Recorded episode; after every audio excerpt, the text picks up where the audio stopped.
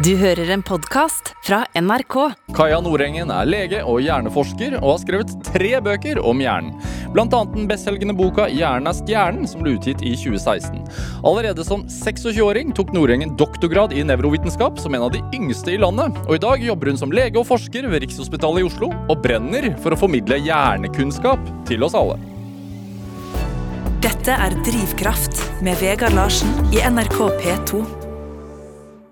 Kaja Nordengen, velkommen til Drivkraft. Tusen takk. Hvordan har du det i dag? Veldig fint. Ja? Er, det, er du fornøyd med valget? Ja, jeg syns dette er et perfekt lunsjavbrekk på dagen. Så takk for invitasjonen. Et lunsjavbrekk, ja. Er det, er det lege, hjerneforsker, eh, tobarnsmor? Hvordan er morgenene for deg? Nei, de er stort sett ganske, ganske travle. Eh, vanligvis så er det mannen min som leverer, og jeg som henter.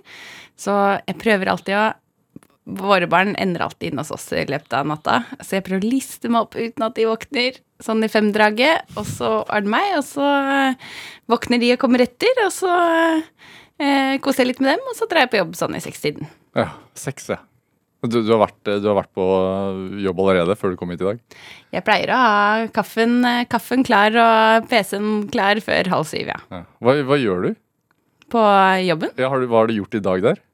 Eh, ja, i dag har jeg hatt forskning, så i dag har jeg vært oppe på, oppe på laben og planlagt eksperimenter. Fortell. Det er så fjernt fra min virkelighet. Hva, hva, hva, skjer da? Ja, nei, nå eh, skal vi merke hjernevev fra pasienter som har donert seg til forskning. Eh, og da er det pasienter som har, mens de levde, sagt at jeg kunne virkelig, virkelig ønske at, det, at forskerne hadde kommet lenger enn de har i dag. Og det har jeg lyst til å bidra med etter min død. Og så har de eh, eh, donert hjernen sin til forskning. Og så er det forskere som da har tatt vare på og administrerer dette. og eh, så, så man kan søke dit for å få hjernevev. Forskere fra hele verden, og oss inkludert. Så en hjerneda, hjernebank, rett og slett? Det er akkurat det det heter. Hjernebank. Og, og, og, hva da, altså da, og siden du faktisk har holdt på med hjernevev i dag, så da har du en beholder da med hjernevev som du har bestilt? Ja, vi har, eh, vi har søkt om og ja, bestilt, kan du si, hjernevev fra Nederland. Hvor, hvor, er det, altså, hvor smått er det snakk om? Det er veldig smått. Altså, det er, eh, det, det er jo ikke sånn at en forskergruppe får en hel hjerne per pasient. Altså man søker om helt spesifikke områder eh, fra en hjerne. Hva har du? Eh, jeg har to eh, En del av hjernebarken, eh, som er den delen av hjernebarken som ligger inn mot hjernebjelken. Eh, så Hjernebjelken er den som forbinder høyre og venstre hjernehalvdel. Ja. Så den delen av hjernebarken som ligger an mot den. Og så har jeg et område i hjernestammen eh, som heter substantia nigra. Det betyr bare den svarte substansen, men er det området som blir hardest ramma ved Parkinsons sykdom. da. Hva, hva, men hva har du gjort rent, altså hva gjør du rent faktisk Hva vi skal gjøre med dem? Ja. Ja, De er jo behandla sånn at de ikke råtner, da, i Nederland allerede, i hjernebanken, ikke sant? Eh, og så blir de støpt inn for at de skal eh, holde strukturen sin best mulig. Og så kan man snitte dem i kjempe, kjempe, kjempetynne skiver. Eh, fem mikrometer er det vi har. Du, jeg gjør grimaser nå, ser du. Ja, jeg ser det. er det vanlig når du Nei. forteller om dette her? Nei, altså, eh, det høres kanskje Altså, det blir kanskje veldig eh, billedlig når jeg beskriver det, beskriver det på den måten. Men det er altså det er små vevsprøver, bare. Ja. Ja. Som, eh, som vi behandler, og, og farger med sånn eh, fluorescerende, altså sånn lysende fargestoff. Eh, sånn at vi kan eh, farge ulike deler i vevet med ulikt fargestoff og få det opp i akkurat samme bilde. Og hva håper du å få ut av det? Ja, altså, bare, bare den tingen du har gjort i dag, liksom? Eh, ja, altså forskning vil jeg jo si at det er på en måte mange små puslespillbrikker. Sånn at vår lille puslespillbrikke som vi jobber med akkurat nå, som vi håper at blir helt sentral for å på en måte se hele bildet i puslespillet, det er at vi ser på opprydningsmekanismene. Fordi i hjernen til Parkinson, og helst eh, også de helt tidligere delene av eh, sykdomsutviklinga før man har plager fra sykdommen. Da. Nei, For en ja, Veldig rar start på en dag i forhold til min. Eh, altså, du, du kan jo veldig, veldig mye om hjernen. Jeg, jeg lurer på sånn som I går så var det valg. Eh, jeg satt litt seinere oppe enn det jeg burde. eh, selv om resultatet sikkert kom Altså, jeg kunne jo lagt meg, men jeg syntes det var spennende. Eh, har, merker hjernen min det i dag? Ja, gjør, ja absolutt. Man, eh, hvis man sover mindre enn man skal, så presterer man dårligere på, på standardiserte tester dagen etter. Eh, og søvn er ekstremt viktig for hjernefunksjon.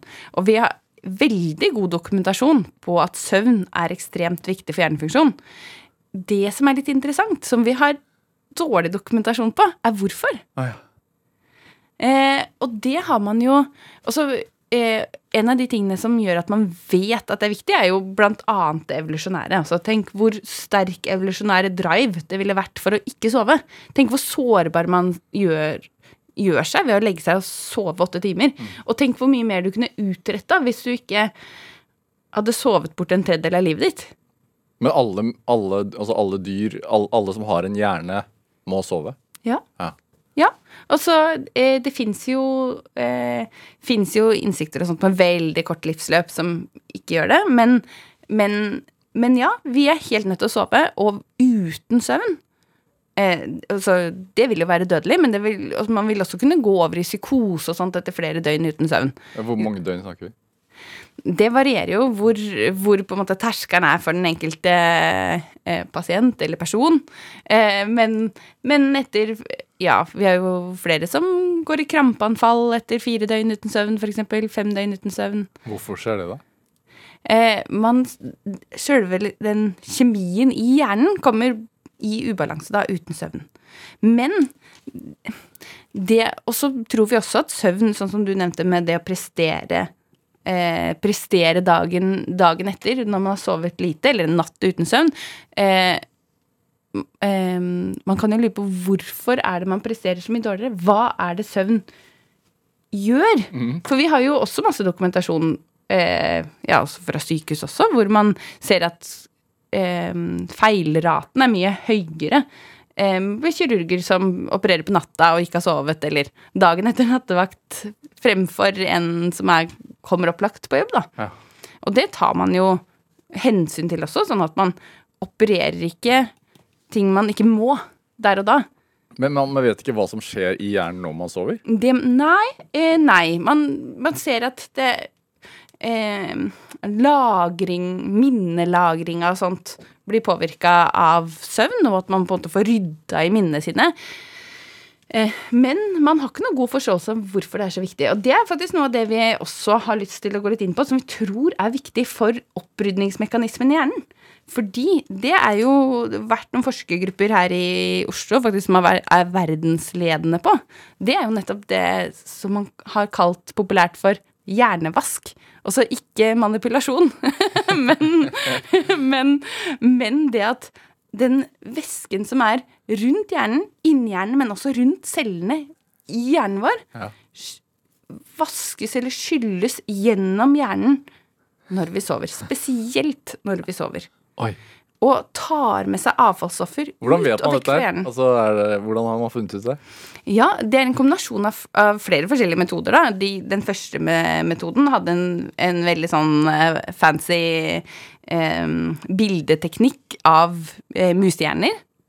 Men så har man seinere faktisk kunnet se det på mennesker òg, hvor man har eh, tatt kontrastmiddel inn i den væska rundt hjernen, og ser hvordan det kontrastmiddelet sprer seg rundt hjernen, gjennom hjernen og ut fra hjernen. Er Og, og da ser man at den, det er mindre effektivt. Og, og det er en artikkel som kom i år, faktisk. Det, altså, det er mindre effektivt hos de pasientene som ikke fikk lov til å sove en natt. Nei. Da så man at ok, det påvirka eh, den utvaskinga. Men er det forskjell på eh, drømmeløse netter og netter hvor man drømmer? Eller drømmer man alltid egentlig, bare at man ikke husker det? I utgangspunktet, jo. Eh, så drømme skal man alt Man eh, har jo forskjellige søvnfaser, og man drømmer i løpet av natt, selv om man ikke husker det. Ja. Med, eh, Men er det bare mekanismer hjernen har for å ikke liksom Altså for at den alltid er på, på en måte? ja, men egentlig de Altså, sannsynligvis eh, så er det i enda dypere delen av søvnen, drømmeløs søvn, enda viktigere enn drømmesøvnen. Nei, hvorfor det? Eh, fordi Ja, godt spørsmål. Og jeg, der må jeg passe på å ikke si 'fordi' som om vi faktisk har det fulle fasiten, for det har vi ikke. Men eh, Men det er nok mer, mer hvile. Kan, om det er mer eller mindre av den hjernevasken, det vet vi ikke sikkert, men det ser sånn ut fra dyreforsøk. Ja. Men så, så når, man, altså når man er på, på kvelden begynner å merke at man blir trøtt, Mm. da er det hva, hvorfor, hva er det som gjør at man merker, altså føler det, altså at man kjenner på en trøtthet?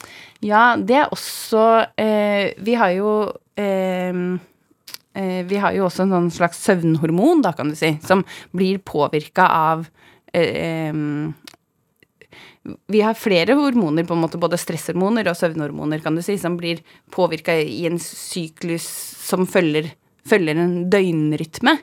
Eh, også sånn som man har snakka om eh, det er jo litt sånn viktig å være bevisst på med tanke på å legge til rette for god søvn. Det er ikke så lett å si til folk bare sov godt, det er viktig, fordi alle ønsker å sove godt. Men man kan i hvert fall legge til rette for god søvn, fordi at hjernen eh, blir mer oppkvikka av veldig sånn dagslys, veldig sånn blått lys. Og det er det mange som utsetter seg for også på kvelden nå, fra skjermer, ikke sant. Og der er det jo apper og sånt man kan gjøre for å ha litt sånn night mode på skjermen sin eh, som kan være gunstig. Eller selvfølgelig ta skjermfri, da. Det går også an. Eh, høres kanskje utenkelig ut for mange, men men, eh, men ja. Det vil, eh, eh, det vil Det vil påvirke og gi, gi trøtthet, ikke sant, for, for oss. Og så kan man jo lure på, som kanskje egentlig var om det også er andre mekanismer i hjernen som bidrar til trøtthet. Er det på en måte en avfallsopphopning gjennom dagen som må vaskes ut? Det vet vi ikke. Men, men eh, noen deler av det svaret der har vi i hvert fall. Ja. Hvor, hvor interessant Altså, Hvor mye er det man ikke vet? Ja, og det, det er noe av det jeg syns er så innmari kult med hjernen. fordi at, eh, Og det er helt naturlig, selvfølgelig, fordi hjernen er det mest komplekse organet vi har. Men eh, hvordan skal jeg si dette uten å på en måte si noe negativt om eh, hjerteforskning, f.eks. Men, men, men jeg tenker sånn eh, Det er veldig mange områder av medisinen vi har kommet innmari langt. Eh, og hvor man ikke er noen Det er ikke noen syvmilssteg igjen å ta. Men på hjerneforskning, det er jo veldig morsomt å være involvert et sted hvor, hvor det både skjer veldig mye, og hvor man faktisk sjøl også kan ha ordentlig signifikante bidrag, fordi det er store, hvite områder på kartet fortsatt. Så det er Det, er, det brenner hos deg. det merka du? Ja. det gjør det. Dette er Drivkraft med Vegard Larsen i NRK P2. Og I dag er lege og hjerneforsker Kaja Nordengen eh, her hos meg i Drivkraft på NRK P2. Altså, eh, Lite søvn er én ting. Hva med stress? Ja, det er litt interessant det spørsmålet der, fordi eh, man må dele opp stress litt. For eh, det er en sånn kortvarig stress. Stress før en eksamen eller før en presentasjon man skal holde, f.eks. Det er ikke negativt for hjernen. Og det kan til og med bidra til at man klarer å At det er litt lettere på slutten å si nei til de avtalene som frister, eller eh, eh, legge bort nettaviser og Facebook og Instagram-feed, på en måte, og bare fokusere på det man skal. Så det en stresset sånn fokus ja, det kan bidra til fokus, og skader ikke hjernen.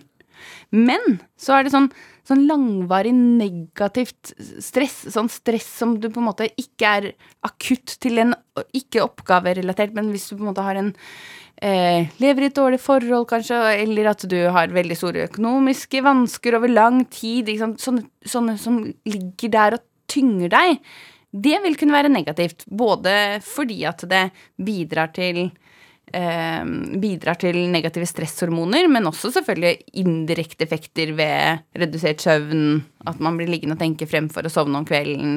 Sånne, sånne elementer av det. Men stort sett så vil jeg si at den voksne hjernen, den tåler stress innmari godt. Og selv om man klarer å se noen, nega noen negative endringer ved stress, så er veldig mye av det helt reversibelt i den voksne hjernen. Så tror man at, Hvordan da? Altså at man Det, det, går, går, at det hel- når, helbreder når seg stresset er liksom. borte, så, Så blir man frisk i hjernen. Ja. Ja. Eh, men eh, mens det ser ut som at ungdomshjernen og barnehjernen er mer sårbar. Oi. For stress.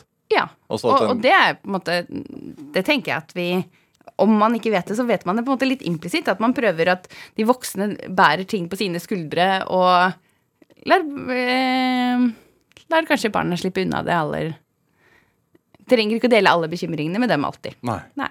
Og hva, hva tenker du da, som, som kan dette her, om, om skole... Altså Om press på skolen og sånne ting. Altså, er, det kan faktisk være skadelig for små barn? Nei, ja, det kan du jo Det, eh, det spørs kanskje litt hvordan Om det bidrar til det langvarige negative stresset. I utgangspunktet så er det jo sånn det å være stressa før en prøve, eller eh, grue seg til å lese høyt i klassen og sånt. Det er på en måte Det er det kortvarige, ikke helt ufarlige stresset som bare bidrar til fokus i hovedsak, vil jeg tenke. Barnehagestress? Nei, jeg, eh, jeg tror egentlig at det er mer sånn som jeg stadig kommer tilbake til, altså det å vokse opp i en flyktningleir, eksempel. Være i i gjørma i Moria. altså eh, Jeg får så vondt av å se at at man barn må vokse opp sånn. Og så tenker jeg at ja, så kan vi bekymre oss for prøver de har på de flotte skolene hos oss. Eh, der de følges eh, hånd i hånd med mor og far, og mor og far står der og tar dem imot igjen om ettermiddagen. tenker jeg, Det går nok fint. Det tror jeg. Det takler hjernen. Det, men, eh, men at vi ikke kan gjøre mer for alle de unge, flotte hjernene i utvikling som ikke har de mulighetene, det syns jeg er leit. Men det blir jo over på noe annet enn forskning, selvfølgelig. Er det? Ja, vi kan gjerne snakke om det, men, men i forhold til hjernen, er det Eldes hjernen? Ja. Ja. Det er eh, veldig klart eh, svar i det, for så vidt. Det er eh, Ja, hjernen eldes, og det er eh, det er på en måte sånn som alle leger forholder seg til i jobben sin. ikke sant? Vi har, når vi tar bilder av en pasient, tar en hjerneskanning, så står det kanskje sånn aldersadekvat overflaterelief. Det betyr at det er litt slunkent her, men ikke mer enn er forventet for alder. Oi. Hvor, hvor, ja. Hva, hva, men hva skjer når hjernen blir eldre? Ja, eh, altså sånn unge, unge, unge, hjerner, der fyller hjernen hele kraniet, ikke sant? Ja, så Hjernen er på- krymper? Ja, ja, ja. Det er vevstap. Oi. Så det er begge deler, eh, sannsynligvis. Det vevstapet er nok, eller den, det mindre volumet, da, er nok både, altså litt fordi at cellene i seg selv skrumper litt, men også fordi at eh, eh, man, at det er en en celledød over tid, da, hvert og, og så kan man jo lure på om den en sunn, ald, en sunn aldring vil da det være et nettotap, eller vil et eventuelt tap hos en tilsynelatende frisk en egentlig være et forstadie til sykdom? Det er jo på en måte et litt åpent spørsmål. Eh, fordi mange av de det vi kaller nevrodegenerative sykdommer, de sykdommene som bidrar til, nervecelle, til mye nervecelledød, de tror man jo at begynner 10 år, 15, kanskje 20 til og med, før vi diagnostiserer dem. Før de får så tydelige symptomer fra det at de får en diagnose. Sånn at det er en prosess som pågår over lang, lang tid før det blir fanga opp. Og hva snakker vi, hva snakker vi, hvilken sykdom snakker vi om da? Ja, også nevrodegenerative sykdommer. Flere forskjellige sykdommer. Alzheimer er én, og parkinson er en annen. Ja, det, kan, det begynner 10-15 år før man Ja. kan diagnosere det. Ja. På hvordan måte da? Eh, ja, og det, det er der vi jobber nå i forskningsfeltet, egentlig. Det er fordi at eh, man kan si veldig mye om hva som skiller en, eh, en hjerne, f.eks. til Alzheimer, da, fra en som ikke har Alzheimer. Men når, på diagnosetidspunktet og, etter- og seinere også, men da, da har det allerede vært masse skade over lang tid. Hva slags skade? Eh, nervecelledød og opphopning av et sånt eh, miniprotein, på en måte, som, eh, som bidrar til denne nervecelledøden, da. Og aktivering av immunceller og sånt i hjernen. Ja. Eh, og da Men hvordan skal vi på en måte finne dem tidlige? Og det er jo en ganske, eh, ganske krevende jobb. Man gjør det f.eks. på, på Ahus nå ved at man prøver å finne risikoindivider. Ikke sant? Man har de som eh, har Genetisk, eller Ja, eller liksom, ja, genetisk indirekte, da, ved at du har det eh, kanskje mye familiehistorie. Eller man prøver å fange opp dem som føler at jeg funker litt dårligere enn før. Men når man gjør tester av dem, så presterer de godt. Sånn at testene er ikke sensitive nok til å fange det opp, men de merker sjøl at dette her ja, ok, jeg ser at jeg gjør det godt på testen, men jeg ville gjort det enda bedre før. Eller, eller jeg har såpass komplisert arbeidshverdag at jeg merker at dette er ikke sånn som det en gang var. Eh, og så følger man dem over tid. ja. Så det kan være veldig små, altså nesten umerkelige symptomer. Da. Objektivt sett helt umerkelig. Sånn at det, det, eh, de, det, måte, det kaller vi subjektiv kognitiv svikt, fordi den er ikke objektiv. Vi klarer ikke å måle den kognitive svikten, fordi de gjør det bra på testene. Eh, og så følger man over tid, og da tar man prøver liksom, både fra spinalvæske fra ryggen, fra blodprøver, man tar hjerneskanninger, man tar genetikk, og så følger man dem over tid. Og når de, hvis de, kan man kanskje si, eh, begynner å gjøre det objektivt dårligere, og kanskje til og med utvikle en demens, da kan man gå tilbake til de prøvene man kanskje tok for ti år siden, Ja. og si at ok, her har vi en som følte at man funka litt dårligere, som kanskje egentlig bare hadde sovet litt lite, eller var litt deprimert, eller egentlig ikke var noe forstadie i det hele tatt, og som aldri utvikla demens. Og så har vi denne som det faktisk reelt sett var noe, og som utvikla demensen i andre enden. Kunne vi ha skilt det for ti år siden? Men da må du jo faktisk følge opp dem i ti år, da. ikke sant? Altså, du må, altså, det er ikke noe sånn easy fix. Man må gjøre den jobben for å finne ut hvordan kan man skille det så tidlig. Er man, når, når du er lege og hjerneforsker sånn som du er, og snakker om Alzheimer og, og Parkinsons og sånne ting, er, det, er du nødt til å være optimist?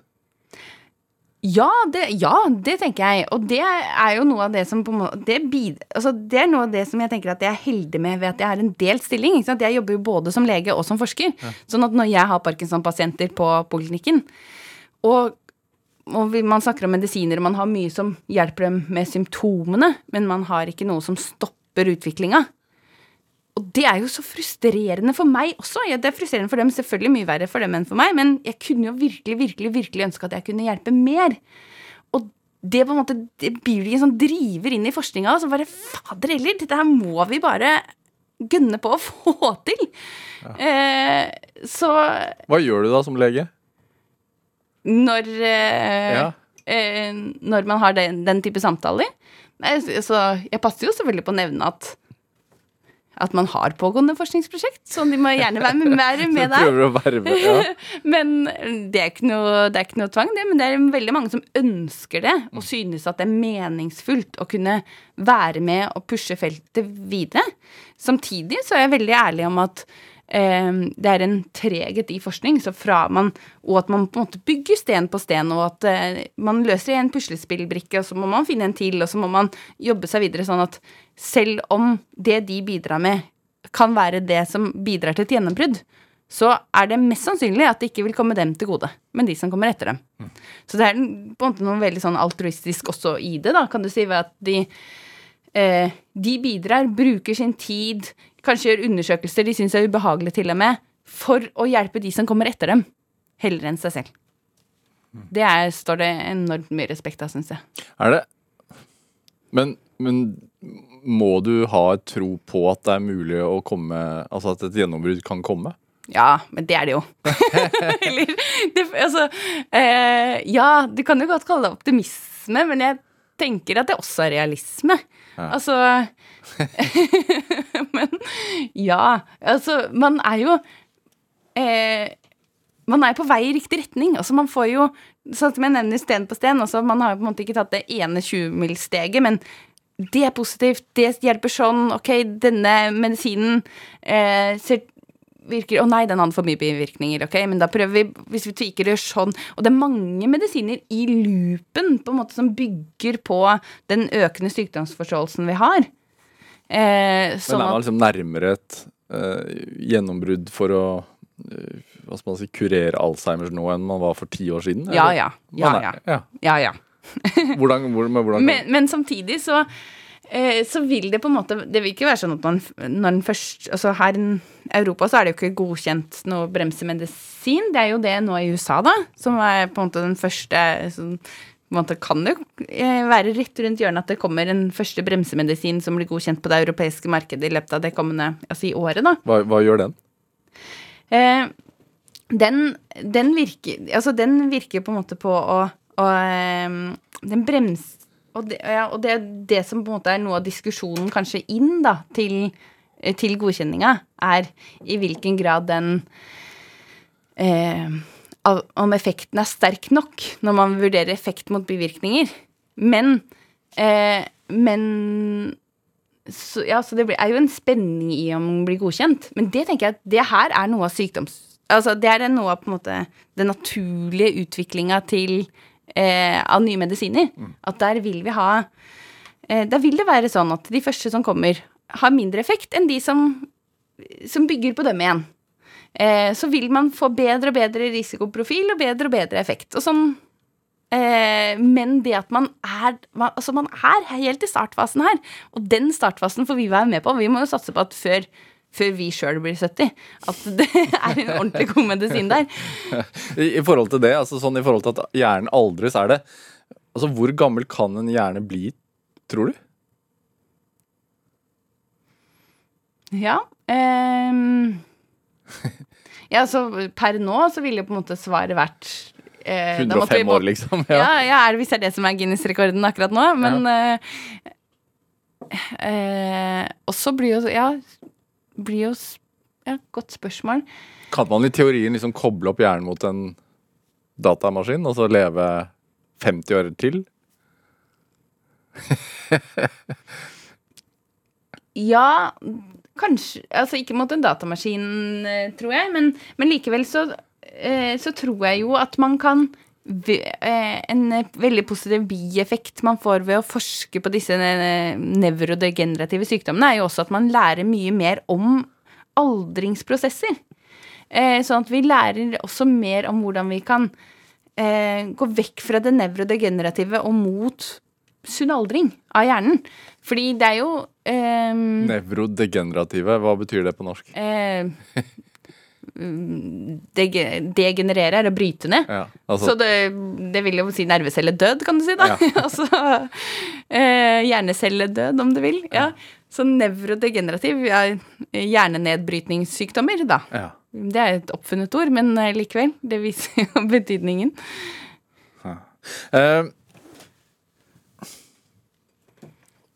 er det Jeg lurer på sånn fun fact med hjernen. Er det sånn fordi det sies jo at vi menn bare kan gjøre én ting av gangen. Er det, stemmer det?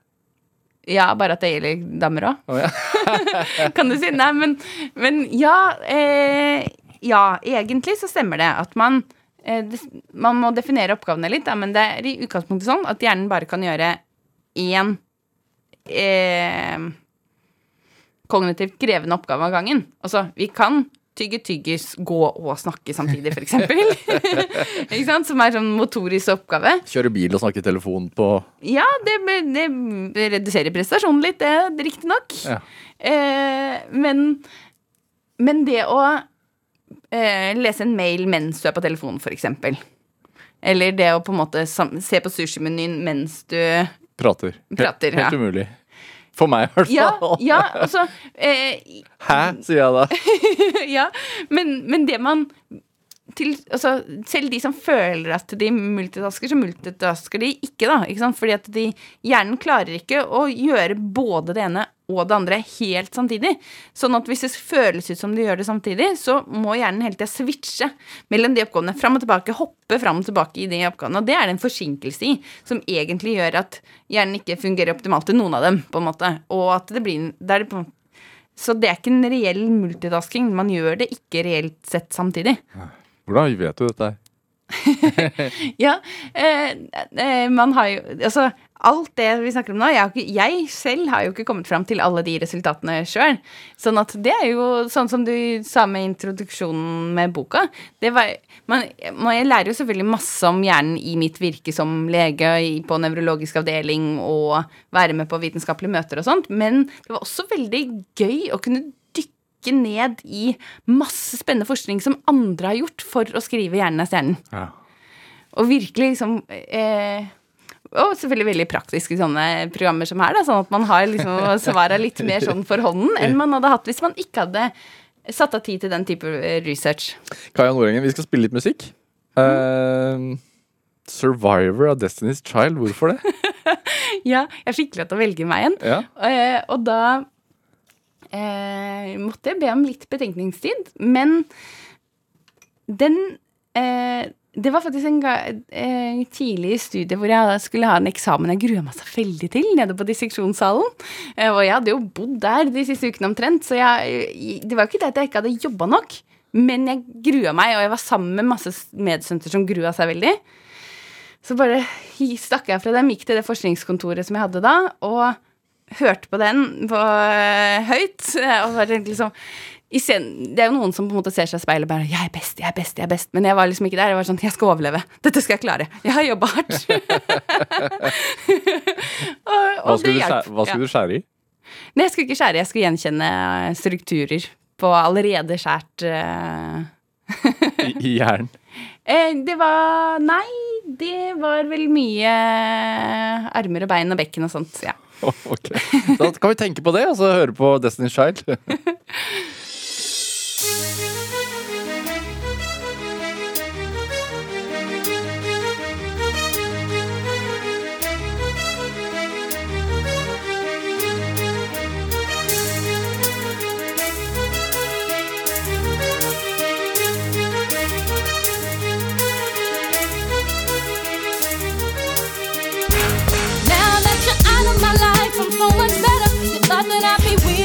Without you, but I'm stronger. You thought that I'd be broke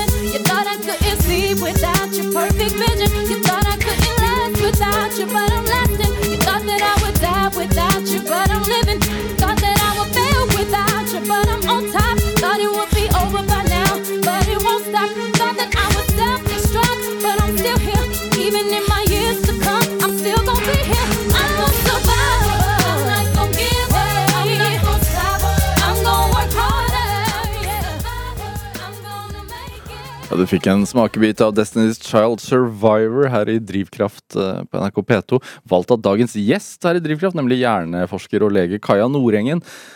Eh, hvor er du fra? Jeg er fra Svindal, heter det. En eh, bygd i Østfold. Så jeg er fra gård. Jeg er odelsjente på en gård i Østfold. Hvorfor ble det Nei, ikke Viken. Ja, I Viken nå, ja. Eller, eller nå som vi har fått ny regjering, kanskje Østfold igjen, hvem vet. Who knows? Hvor- hvorfor ble det ikke gårdsdrift? Jeg alt, det har aldri vært eh, Jeg har aldri hatt det presset fra foreldrene mine. Det har mange som, som har odel, har jo det. Hva slags gård var det, eller er det? Eh, Det er jorder og skogdrift, ikke, ikke noe dyr. Nei. Men, eh, men ja, foreldrene mine har alltid vært sånn at jeg kan gjøre akkurat hva jeg vil. Og eh, hvis jeg ikke vil ta over, så er det helt greit. Ja. Ja. Men hvordan det, har det vært å vokse opp på en gård? Ja, det har vært kjempefint. Ja, det er like idyllisk som man kan se for seg, tror jeg. Hvor, hvor liksom skogen er eh, lekegrinda, kan du si. Hvor jeg eh, ja, lekte med nabojenta i skogen, og det var eh, Alt vi på en måte forestilte oss og lekte med, var eh, med skogen som kulisse. Er, det, er, begge foreldrene dine bønder, eller har dere Eh, nei, ingen, driver, ingen av dem har noen gang drevet med det på heltid. Nei, har Og det er sånn som det stort sett er i Distrikts-Norge. At man eh, har en fulltidsjobb, og så har man hatt eh, drift av gård ved siden av oppå fulltidsjobben. Hva, full, hva, hva var fulltidsjobben deres? eh, mamma er lærer, og pappa er rørlegger. Nå har mamma, jobber mamma med IKT, da, men det er lærer i bånn. Ja. Er det Og, og du har blitt hjerneforsker. Hvor, hvor, altså, hvor, kom, hvor kommer det fra, tror du? Eh, ja, det er eh, Det er nok flere svar på det spørsmålet, tror jeg. Altså, det ene er eh, Jeg har alltid eh, Det har alltid vært veldig rom for å stille spørsmål, og det har alltid vært veldig eh, Hjemme så har det alltid vært veldig fokus på å finne svar på Hvis mamma og pappa ikke har hatt svar på spørsmåla vi har stilt, så har man på en måte sluppet det man har i hendene for for å finne svaret. Var du en som Altså Som spurte masse? Ja. Ja, ja. Men de var ikke Man kunne sikkert ha blitt irritert over det og bare «Åh, gi deg, og det bare Det er, er sånn. Hvorfor? Jo, fordi. Ikke sant? Men jeg fikk aldri det svaret. Jeg fikk aldri fordi som et svar på mine spørsmål. Eh, da eh, slapp mamma det hun hadde i hendene, og da var, det, da var det jo før Google, ikke sant? Så da var det leksikonserien. Så da slo man opp og prøvde å finne svar på de spørsmålene jeg hadde stilt. Hva lurte du på? da? Ja, og det er jo alt mellom himmel og jord, men Og veldig mye har man jo svar på i leksikon, men noe av det man ikke har svar på, det er jo veldig ofte det som er relatert til hjernen.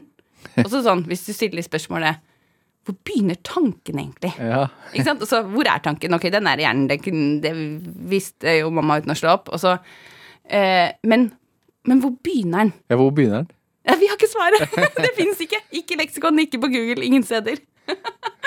og det er i hvert fall skikkelig irriterende. At vi har eh, Og vi tror egentlig at tanken begynner før vi blir den bevisst, kanskje. Og det er skikkelig creepy å tenke på, men, men sånn som eh, Man hadde en sånn eh, eh, ja, en av studiene man har sett på det, da, så man, målte man hjerneaktivitet med sånne elektroder oppå hodet. Eh, og så skulle man, forsøksdeltakerne gjøre en veldig enkel oppgave. Altså de eksempel skulle velge om de skulle trykke på en knapp, eller de skulle trykke på en knapp når de selv ville det, og de selv tok avgjørelsen om de skulle trykke med høyre eller venstre hånd.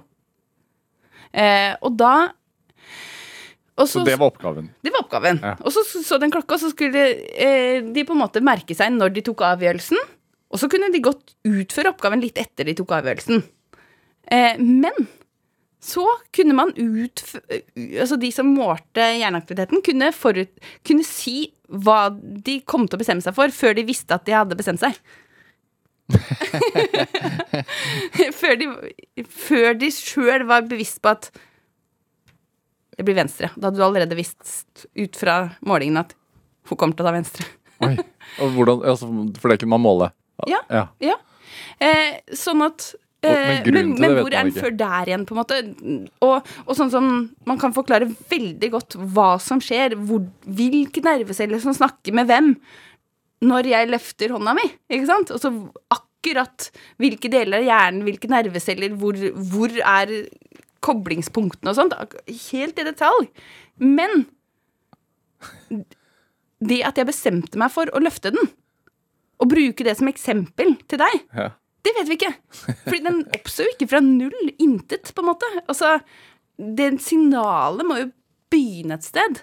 Det vet vi ikke. Eh, så, Hvor mye tenker du på dette? ja, men, altså, eh, når man på en måte Fordi det er, sånn, det er jo sånn tanker man gjør seg som altså sånn ting man spør om som barn. Ja, det er det. Og det tenker jeg at ikke la de eh, spørsmåla på en måte dø ut. Bare sånn Åh, for et dumt spørsmål, eller Det vet man vel ikke. Men, men på en måte gå heller den veien med barna deres. Og så eh, eh, grunn over det sammen. Resonner rundt den problemstillingen sammen. Og det genererer så mye nysgjerrighet. Og det, nysgjerrighet driver en sånn. Og det drev meg veldig også. Og, og det å på en måte at man hadde de spørsmåla som var så grunnleggende for hvem vi er, som vi ikke kan svare på engang. Det var jo det, Altså, det trigger veldig nysgjerrigheten min. Så ja, det er ett et av svarene på vei inn i hjerneforskninga for, for min del. Hva er det andre, da? Eh, mamma fikk MS da jeg var ni.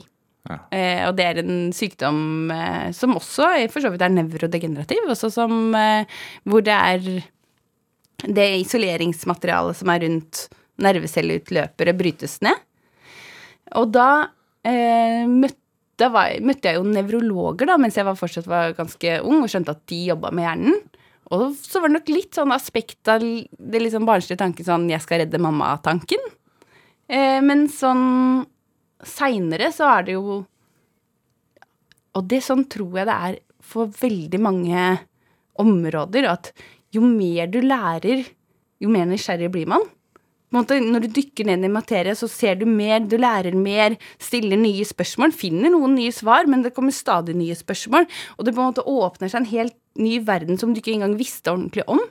Og sånn var det nok eh, for min del også, at det var på en måte eh, en vei inn for meg i den litt ukjente verden. verden. Hvor dårlig ble moren din, da? Hun er i 100% jobb ennå, så hun er ja, det heldige. Så hun ble frisk. Ja. Eh, man, eh, man blir vel ikke teoretisk sett friskmeldt noen gang, men, men så nærme man kommer, Ja. vil jeg si at det er. Ja. Men, men som niåring, hvordan opplevde du sykdommen? siden Nei, det var altså Den eneste jeg visste om som hadde MS, var en på gamlehjemmet i kommunen som satt i en rullestol med høy rygg, og jeg så for meg at jeg skulle eh, gå inn på gamlehjemmet og klatre opp på fanget til mamma i rullestolen og bli lest bok for. Ja. Så ja, sånn så det ut for meg da, og da bestemte jeg meg ganske, ja, ganske med en gang for at jeg ville bli jeg, jeg spurte jo mamma og pappa hvis jeg skal jobbe med hjernen, hva skal jeg jobbe med da? Nei, da må man bli nevrolog. Så da bestemte jeg meg for å bli nevrolog, da, og så fant jeg ut litt senere at jeg måtte bli lege først. Før jeg kunne bli nevrolog. Ja. Og, og, og, og da var målet satt, og du jobbet målrettet mot det? Ja. Ja. Du du kom jo på legestudiet rett fra videregående. ja.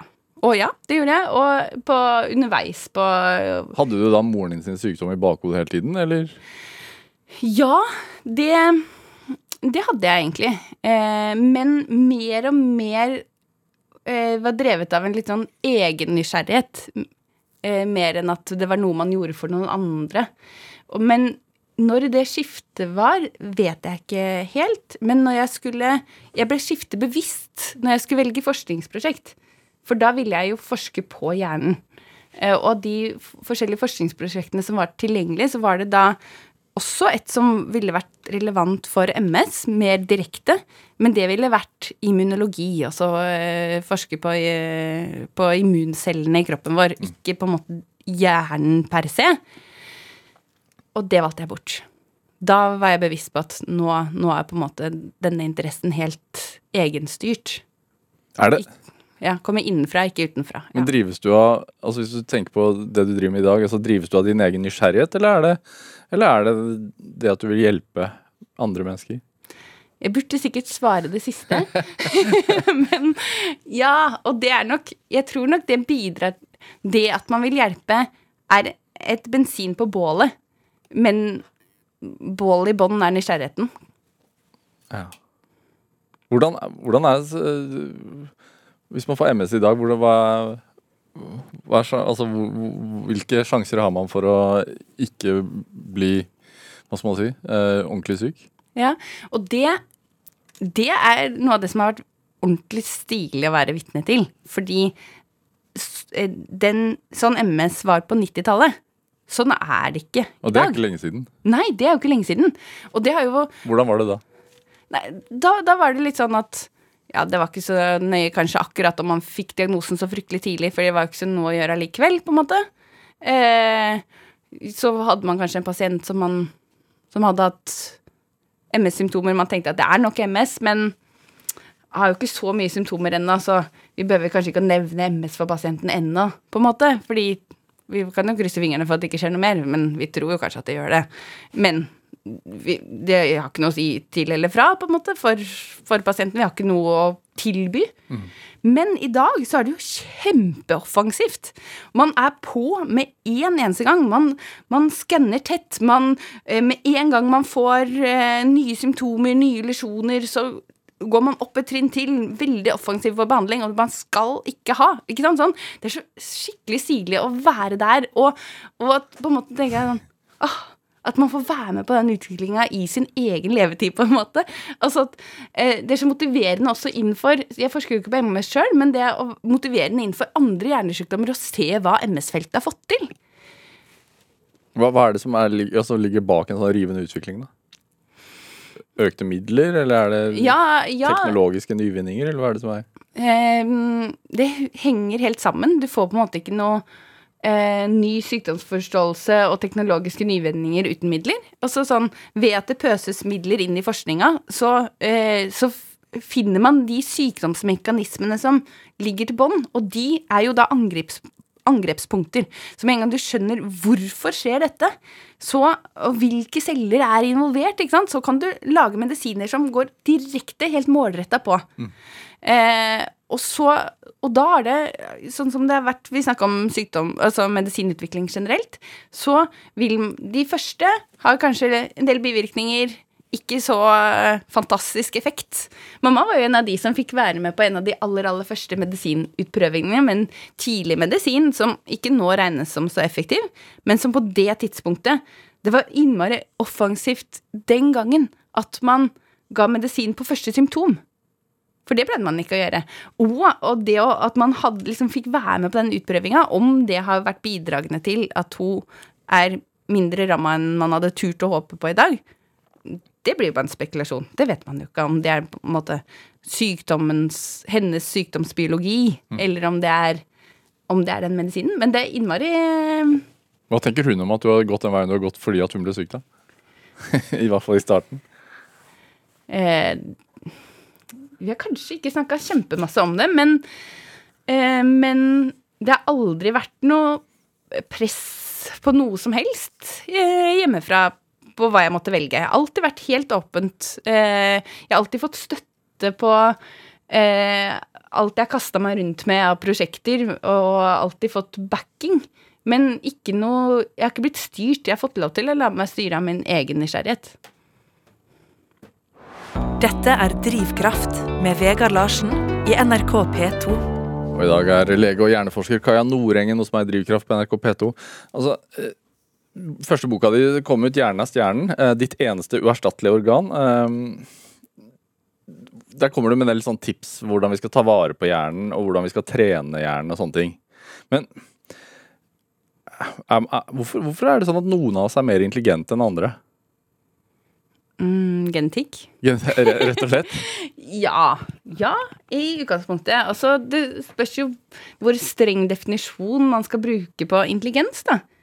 Men hvis man bruker den strenge versjonen, så er det i hvert fall veldig mye genetikk. Og så kan man si at hvis man Kan man se på en hjerne at den er smartere enn en annen hjerne? mm, Det er jo ehm, Det aller riktigste svaret hadde vært nei. På individnivå så er det nei. Man kan ikke skanne en hjerne og si eh, noe om hvordan de hadde prestert på logiske oppgaver.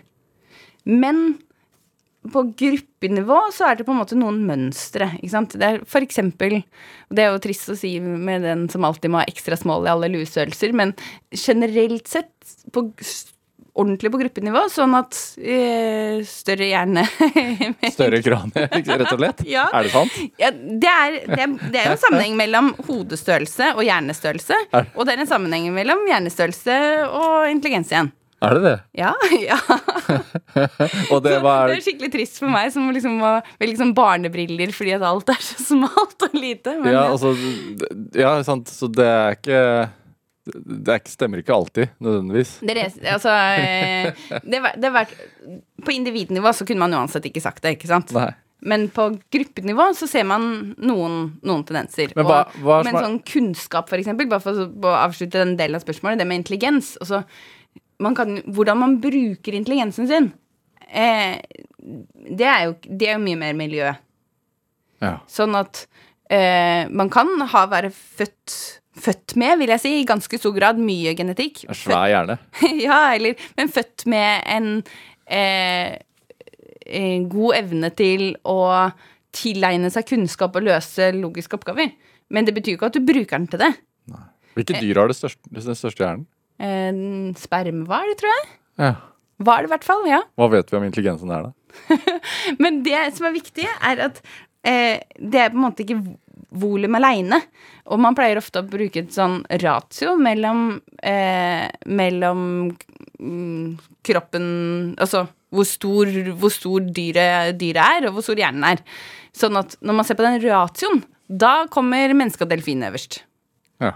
Og er delfinen smarteste fisken i, i havet? Det tror jeg. Ja.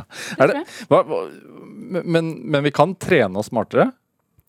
Vi kan få mye bedre funksjon. Ja. Eh, Hva er det, betyr det at det går fortere Ja, og så vi kan For det, det er derfor jeg svarte litt sånn med smartere, for det spørs hvor du legger det smartere. Hvis du tenker IQ, så kan du eh, Så vil det å ha gjort en IQ-test før gjøre at man kan eh, kanskje presse seg opp lite grann. Det er rett og og at- slett ikke et så smart spørsmål. Det går Det fordi, fordi at da vet du hvordan den gjennomføres. Ja. Men, men er grunn... Altså det man håper å måle da, med IQ-tester, er jo en sånn er liksom grunnleggende sånn G-faktor på en måte som er på en måte den basisen. Den skal jo helst ikke være Den skal jo på en måte nettopp være en basis, ikke så flyttbar. Men, eh, men det er helt riktig som du sier. Også det at du eh, Hjernen vår er plastisk, den er formbar, og det at vi kan eh, øve på noe, så blir vi bedre til det. ikke sant? Sånn at det, og det kan man også se på, til og med på hjerneskanninger, og i hvert fall hvis man ser på ved mikroskopi. Altså, vi får ikke så veldig mange nye nerveceller, og mange områder igjen får vi ikke det i det hele tatt. Men de vi har, de kan bli mye mer forgreina. Sånn at de kan danne masse nye kontaktpunkter. Eh, I så stor grad, faktisk, at du kan måle at hjernebarken blir tjukkere. Selv om det ikke er noen nye celler der, bare fordi de har fått så innmari mange flere greiner. Som en muskel, rett og slett. Ja, men der blir på en måte Ja, det kan du si. Den er ikke så forgreina, de musklene der, da, men, eller de muskelcellene, men, men ja. De kan bli større. Ja, det kan du godt si. Ja, hvordan, gjør, hvordan trener man de opp, da? Eh, ved- Forgreiningene? Ja. Ja, det er ved å gjøre nye ting. Og på en måte helt pushe seg. Hvis du bare gjør det du allerede kan kjempegodt, og som du egentlig kan gjøre på autopilot, så utvikler du ikke, du pusher ikke nye, ikke sant? Mens ved at du, ved at du prøver på nye ting, og gjerne liksom ah, Hva skal jeg si? Det som liksom gjør litt vondt noen ganger, det som bare ah, Terskelen er litt høy, for det er litt vanskelig, vi vet ikke helt hvordan jeg skal gjøre det, hvordan skal jeg angripe det, men gjør det likevel. Språk, for eksempel. Ja. ja altså, selvfølgelig. Hvis man skal på en måte skal tenke sånn stort på det, så tenker jeg ny, nytt språk, ta en utdannelse, lære et instrument, ikke sant, sånne ting. Men, men sånn i det daglige livet, hvis man har eh, to små travle gutter hjemme, eksempel, eh, så kan man eh, Så kan man eh, for, ja, lage en annen middagsrett enn en av de fem-seks man varierer i til vanlig. Skal vi ta pannekaker, grøt eller bolognese i dag? Nei, vi tar noe helt nytt. føler du beskriver livet mitt akkurat nå. Men er det, Jeg kjenner meg igjen, vet du. er det sånn eh, blir man, så man blir dum av rutiner? Ja, du utvikler deg ikke da, ikke sant? Eh, sånn at eh, hvis du sykler til jobben, så sykler Vi er jo veldig rutinemennesker, ikke sant? Så sykler du samme ruta. Hver dag, stort sett. Det, det er det folk pleier å gjøre. Eller hvis de tar trikken, så på en måte, og de bytter. De kan sikkert bytte flere steder langs eh, ruta, men de bytter på samme sted hver dag også. Man gjør all Man på en måte Og du kan ikke Når du har gått hjem fra trikken og hjem, så sånn, kan du ikke egentlig skille hva var det jeg så på den turen hjem i dag, fra de andre gangene? For de glir over i hverandre, alt blir så likt. Men gjør ting Gjør litt nye ting, da. Sykle en annen rute til jobb en dag. Ikke sant? Så, så bruk, øh, bruke kanskje 30 sekunder på å tenke ut en Ikke det engang, kanskje 20. Og så utvikler du hjernen din bare ved at du, du gjør litt nye ting. Handl på et annet sted, en annen matbutikk, da, sånn at maten er litt andre steder, sånn at du ikke bare kan gå og plukke ned mens du Du går der, ikke hjernedød, da, men mens du liksom går, gjør alt på autopilot. Så, så, en, veldig enkle grep. Ja, det behøver også Hva gjør du selv, da? Jeg forsker. men, men, men det er ikke Det er litt, litt tull, men det er litt sant også. Fordi selvfølgelig så vil det jo det Hvis man har en jobb som gjør at man hele tida må presse seg, eh, og forstå mer, lære nye ting, så vil jo måte hele arbeidsdagen være en eneste lang hjernetrening. Eh, men, men jeg prøver også å, og sånne enkle grep som at man lager nye ting til middag. Det kommer litt av seg sjøl, fordi jeg, vi har den Oda-appen hvor vi velger oppskrifter, og da prøver man bare å ikke velge det samme. Det hjelper jo litt, sånn at man alltid må ja, lære litt nye teknikker. sånn Plutselig så bare wow, skal jeg hurtigsylte på en tirsdag? Men, men, men ja, at man eh, eh, Ja, sånne ting. Ellers har jeg ikke så Har jeg ikke vært så veldig flink til å trene opp eh, min indre GPS. Det burde jeg vært enda bedre til, fordi den er eh, absolutt ikke fullt trent, men Ja, altså, altså retning, rett og slett. Ja, ja, for inni Ha, hjernen har menn og, og kvinner for, forskjellig retningssans? I, sannsynligvis litt forskjellig. Eh, men, eh, men det som Når man har testa menn og kvinner i faktisk terreng, da, så har de gjort det eh, like godt. Men det ser ut som de har litt eh, på gruppenivå i hvert fall, litt ulike teknikker. Hvorav kvinner bruker mer landemerker, ikke sant, ser etter en topp eller et spir eller til å orientere seg. Mens menn som gruppe, også på individnivå, bør det ikke være sånn i det hele tatt, men som gruppe, ha, har mer himmelretninger.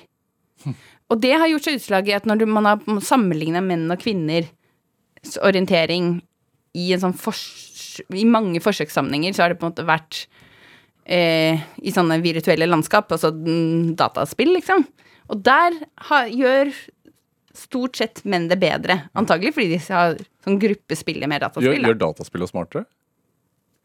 Eh, det tror jeg Jeg kunne svart både ja og nei på, og det hadde vært riktig likevel. For det spørs, spørs nok på Det fins helt sikkert dataspill som gjør det smartere, og det fins det å på en måte orientere seg virtuelt vil jo også kunne være utviklende, men det vil også kunne være en tidstyv som stjeler eh, Stjeler fokus fra andre ting som hadde vært mer utviklende. Kaja Nordengen, en, en time går fort. Hva, hva, hva tenker du er drivkraften din helt kort her mot slutten? Nysgjerrighet, hvis jeg skal velge én ting. Ja. Altså, eh, ja, jeg vil si det er, det er i det store og hele nysgjerrighet som driver meg. Eh, og så er det sånn som vi snakka om, det å ønske om å hjelpe, ønske om å bidra, som fyrer opp under det. Og den utømmelige nysgjerrighet, da.